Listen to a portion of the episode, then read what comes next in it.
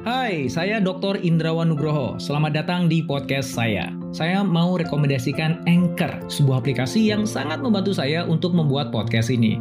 Layanan Anchor itu gratis dan kamu bisa download di App Store atau Play Store atau bisa juga diakses di websitenya www.anchor.fm. Yuk, mangga dicoba.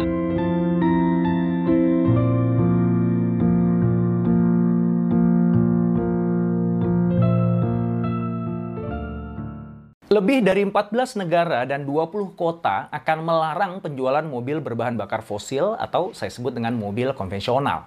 Norwegia menetapkan pelarangan itu mulai 2025 ini. Inggris mulai 2030. Kanada, khususnya Quebec, mulai 2035.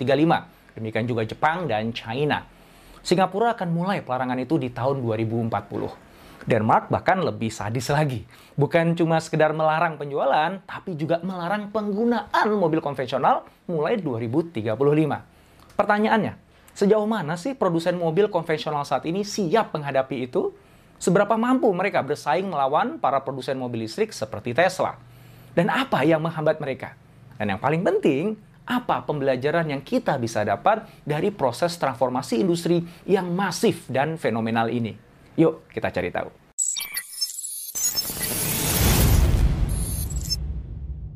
Kita bahas proses transformasi industri otomotif ini melalui perspektif produsen mobil listrik dan juga produsen mobil konvensional. Kemudian kita akan bahas kendala-kendala mereka hingga mengulas alternatif solusinya. Para produsen mobil listrik jelas menjadi yang paling diuntungkan dengan kebijakan karbon netral yang berujung pada pelarangan penjualan mobil konvensional. Jika disebut produsen mobil listrik, biasanya yang muncul di benak kita kan Tesla ya. Walaupun sebenarnya Tesla jelas tidak sendirian. The Wall Street Journal membuat daftar 11 startup produsen mobil listrik potensial yang tengah membayang-bayangi Tesla. Di antaranya ada Rivian, Lordstown, Fisker, Lucid, dan Canoo, yang mana telah mendapat suntikan dana lebih dari 10 miliar US dollar dari investor. Para startup mobil ini sesungguhnya nggak berkompetisi satu sama lain, karena mereka menyasar segmen pasar yang berbeda dengan menawarkan jenis kendaraan yang berbeda. Walaupun demikian, ada satu kesamaan yang mereka miliki, yaitu mereka semua belum menjual mobil satu pun juga. Maka sulit ya mengatakan bahwa mereka itu pesaingnya Tesla. Yang patut menjadi pesaing berat Tesla adalah produsen mobil listrik asal China. Dengan dukungan penuh pemerintah, sepertinya setiap hari ada aja ya perusahaan mobil listrik yang lahir di China. Dan di antara sekian banyak perusahaan itu yang saat ini tengah dapat sorotan dari pengamat maupun investor otomotif dunia adalah NIO. Nah, kisah NIO ini mirip dengan Tesla. Setelah bertahun-tahun penuh masalah dan bahkan hampir bangkrut, NIO kini menjadi perusahaan otomotif paling bernilai nomor 4 di dunia. NIO unggul bukan hanya dari teknologi mesinnya saja, melainkan juga dari aspek software. Karena sama seperti Elon Musk, founder NIO, William Lee, memiliki latar belakang pengembang software. Setiap mobil NIO dilengkapi Smart Assistant bernama Nomi, yang bisa diperintah untuk membuka jendela, menaikkan suhu, memutar musik, hingga mengambil foto selfie. NIO juga memiliki opsi pembelian mobil tanpa baterai, sehingga dapat menurunkan harga jual secara signifikan. Baterai memang merupakan komponen yang paling mahal dari sebuah mobil listrik. Pembeli kemudian bisa menyewa baterai yang bisa ditukar sewaktu-waktu jika sudah habis dayanya di stasiun penukaran baterai yang tersebar di berbagai tempat di China sana. Perkembangan industri mobil listrik di China ini tidak lepas dari dukungan total pemerintahnya. China memiliki komitmen untuk menjadi karbon netral di tahun 2060 dan menjadi pemimpin dunia dalam hal teknologi mobil listrik. Untuk itu, pemerintah China memberikan subsidi yang besar pada masyarakat yang ingin memberi mobil listrik, mengeluarkan regulasi yang memudahkan para startup mobil listrik di China, hingga membantu pendanaan mereka. Tentu saja para produsen mobil konvensional yang sudah puluhan tahun berdiri dan menjadi penguasa pasar nggak mau dong ketinggalan. Mereka pun turut berlomba-lomba membangun mobil listrik mereka. Ada BMW dengan i modelnya, ada Volkswagen dengan seri ID-nya. Kemudian ada Nissan Leaf, Hyundai Kona, Toyota RAV4 EV, Kia Niro, Mitsubishi i-MiEV, Renault Zoe, dan juga Volvo Polestar. Sebagian dari mobil-mobil tersebut sudah bisa dibeli pelanggan dan beberapa di antaranya kita sudah lihat meluncur di jalan-jalan. Namun tentu saja ya, beda antara membuat mobil listrik untuk branding dan pembuktian bahwa saya juga bisa loh buat mobil listrik keren, dengan secara all out serius memproduksi dan memasarkan ratusan ribu mobil listrik setiap tahunnya, seperti yang dilakukan oleh Tesla dan NIO. Lou Shipley, dosen senior di MIT dan Harvard, memiliki dua mobil listrik. Satu buatan Audi dan satu lagi buatan Tesla. Dia menyebutkan bahwa keduanya memiliki perbedaan yang sangat mencolok. Menurutnya, ketika produsen mobil konvensional memproduksi mobil listrik, bahkan sekelas Audi, itu ibarat cuma memasang motor listrik ke dalam mobil konvensionalnya. Sementara mobil Tesla bukan hanya didesain dari nol sebagai mobil listrik, namun juga memiliki sistem software yang sangat canggih yang membuat pengalaman mengendarainya menjadi tidak ada duanya. Audi sebenarnya juga punya software, tapi fitur dan kemudahannya jauh di bawah Tesla. Karena memang software tidak pernah menjadi keunggulan kompetitif yang serius dibangun oleh Audi. Bagaimana sih sesungguhnya para produsen mobil konvensional saat ini memandang mobil listrik? Ada dua polarisasi yang sangat kentara di sini. Ada Toyota yang berjuang untuk memperlambat transisi industri otomotif ke mobil listrik, dan ada Volkswagen yang menyambut transisi ke mobil listrik dengan sukacita. Dan juga tentu saja ada yang wait and see. Akio Toyoda, CEO dari Toyota, secara terbuka dan agresif menyerang Tesla serta mengatakan bahwa mobil listrik lebih merusak lingkungan daripada mobil konvensional.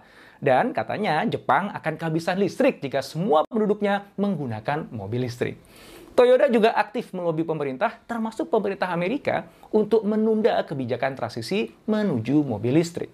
Berbeda dengan Aikyo Toyoda, CEO Volkswagen Herbert Diess sangat antusias membawa perusahaannya bertransformasi menjadi produsen mobil listrik. Beliau bahkan di beberapa kesempatan memuji prestasi Elon Musk dalam mempopulerkan mobil listrik pada masyarakat dunia. Di akhir 2019, grup Volkswagen yang termasuk di dalamnya ada Audi dan Porsche mengumumkan peralihan bertahap untuk menghentikan semua produksi mobil konvensional secara total pada tahun 2026 dan mulai membuat mobil listrik secara eksklusif. Volkswagen berinvestasi 28,1 miliar euro untuk memproduksi 70 model kendaraan listrik baru. Beberapa pabrik Volkswagen kini sudah beralih untuk secara eksklusif memproduksi mobil listrik. Antusias Herbert ini ternyata disambut positif oleh pasar. Perusahaan mobil asal Jerman ini sudah mengalahkan Tesla dalam penjualan mobil listrik di Eropa.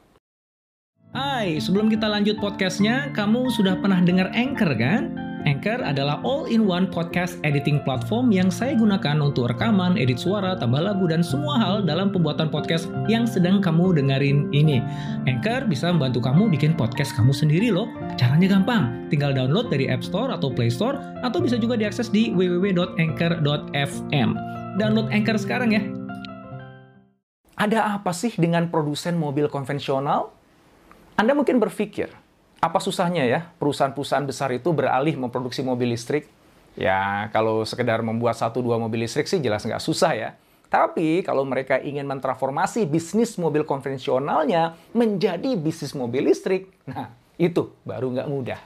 Bukan karena mereka nggak mampu sebenarnya, melainkan karena menurut pakar inovasi dari Harvard Clayton Christensen, sebuah perusahaan tidak bisa mendisrupsi dirinya sendiri. Dalam konteks produsen mobil konvensional, ada empat alasan kenapa mereka kesulitan mendisrupsi dirinya sendiri. Pertama, setiap perusahaan punya sumber daya yang terbatas. Mau dialokasikan ke mana? Ke produksi mobil konvensional yang udah pasti untung dan akan dibeli orang, atau ke mobil listrik yang mereka sendiri nggak familiar dan belum tentu ada yang mau beli? Ya, jelas ke mobil konvensional lah. Kedua, Target kerja, sistem penilaian kinerja, dan insentif karyawan pada saat ini didesain untuk memaksimalkan fokus dan energi karyawan ke produksi dan penjualan mobil konvensional. Jadi, kenapa harus mikirin dan buang tenaga untuk mobil listrik? Ketiga, mindset, proses kerja, dan teknologi yang diperlukan untuk sukses di bisnis mobil listrik berbeda dengan di bisnis mobil konvensional. Waduh, kita belum siap migrasi nih. Keempat, sebagai perusahaan besar penguasa pasar, mereka harus terus membuat para shareholder senang kan?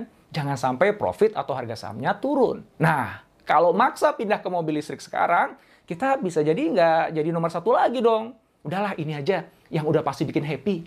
Maka dari itu, menurut saya, regulasi pemerintah untuk melarang penjualan mobil konvensional itu bagus sebenarnya untuk mereka. Karena kalau tidak dipaksa, mereka akan terus terjebak pada memproduksi dan menjual mobil konvensional. Akibatnya, bukan hanya bumi kita ini akan semakin rusak, namun juga mereka nanti akan gigit jari ketika minat pelanggan sudah bergeser ke mobil listrik dan nggak ada lagi yang mau beli mobil konvensional mereka. Sementara saat itu pasar sudah dikuasai oleh pemain mobil listrik yang sudah mulai terlebih dulu. Nah, jadi daripada didisrupsi oleh pesaing kan lebih baik sekarang dipaksa kan oleh pemerintah untuk transformasi. Jadi apa dong yang harus dilakukan? Untuk sukses bertransformasi menjadi produsen mobil listrik, ada dua jalan yang bisa diambil. Pertama adalah sesuai saran dari Clay Christensen, buatlah perusahaan baru yang fokus bermain di mobil listrik. Manajemennya berbeda dengan perusahaan induk. Alokasikan sumber daya yang juga terpisah dari perusahaan induk. Bangun sistem yang secara khusus mendorong keberhasilan bisnis mobil listrik. Kemudian berikan kebebasan padanya untuk mengatur strateginya sendiri. Tujuannya adalah ketika nanti bisnis mobil konvensionalnya sudah mulai menurun, maka perusahaan mobil listrik inilah yang kemudian akan meneruskan tongkat estafet keberlangsungan usaha. Sementara jalan yang kedua yang relatif lebih berani sekaligus berisiko yaitu lakukan pivot atau pivot secara masif. Putar haluan, tutup bisnis model konvensional secara bertahap, di saat yang sama bangun bisnis mobil listrik yang baru Inilah yang dilakukan oleh Volkswagen. General Motors, perusahaan otomotif legendaris dari Amerika, mengikuti langkah Volkswagen itu. Di awal tahun ini, Mari Barra, CEO General Motors, mengumumkan pivot perusahaan untuk menjadi produsen mobil listrik secara penuh di tahun 2035, di mana mereka tidak akan lagi memproduksi dan menjual mobil konvensional. General Motors siap mengeluarkan investasi sebesar 27 miliar US dollar dalam lima tahun ke depan untuk pengembangan mobil listrik. Saat ini, General Motors sudah menghabiskan 2,2 miliar US dollar untuk mengkonversi pabrik mobil konvensional mereka di Detroit menjadi hub mobil listrik perusahaan. Transformasi menjadi produsen mobil listrik tentu saja sangat kompleks. Ini bukan hanya masalah mengkonversi pabrik dan produknya ke mobil listrik ya, melainkan juga melakukan perubahan besar-besaran di supply chain, proses produksi, teknologi, hingga upgrade kapabilitas pekerja. Ekosistem industri mobil listrik juga masih dalam proses pembentukan. Saat ini ada lebih dari 1.500 startup yang mendukung ekosistem ini. Dari aspek electrification, Internet of Vehicles, smart sensors, augmented reality, artificial intelligence, big data, hingga autonomous driving. Nah, bagaimana produsen mobil mengakses dan mengintegrasikan supplier teknologi yang berserakan ini aja sudah jadi tantangan tersendiri. Nah, menurut Anda, seberapa siap sih para produsen mobil konvensional saat ini untuk bisa bertransformasi menjadi produsen mobil listrik dalam waktu dekat? Siapa yang menurut Anda lebih berpeluang untuk memenangkan pasar mobil listrik di masa depan? Apakah para pemain industri otomotif lama atau para startup baru?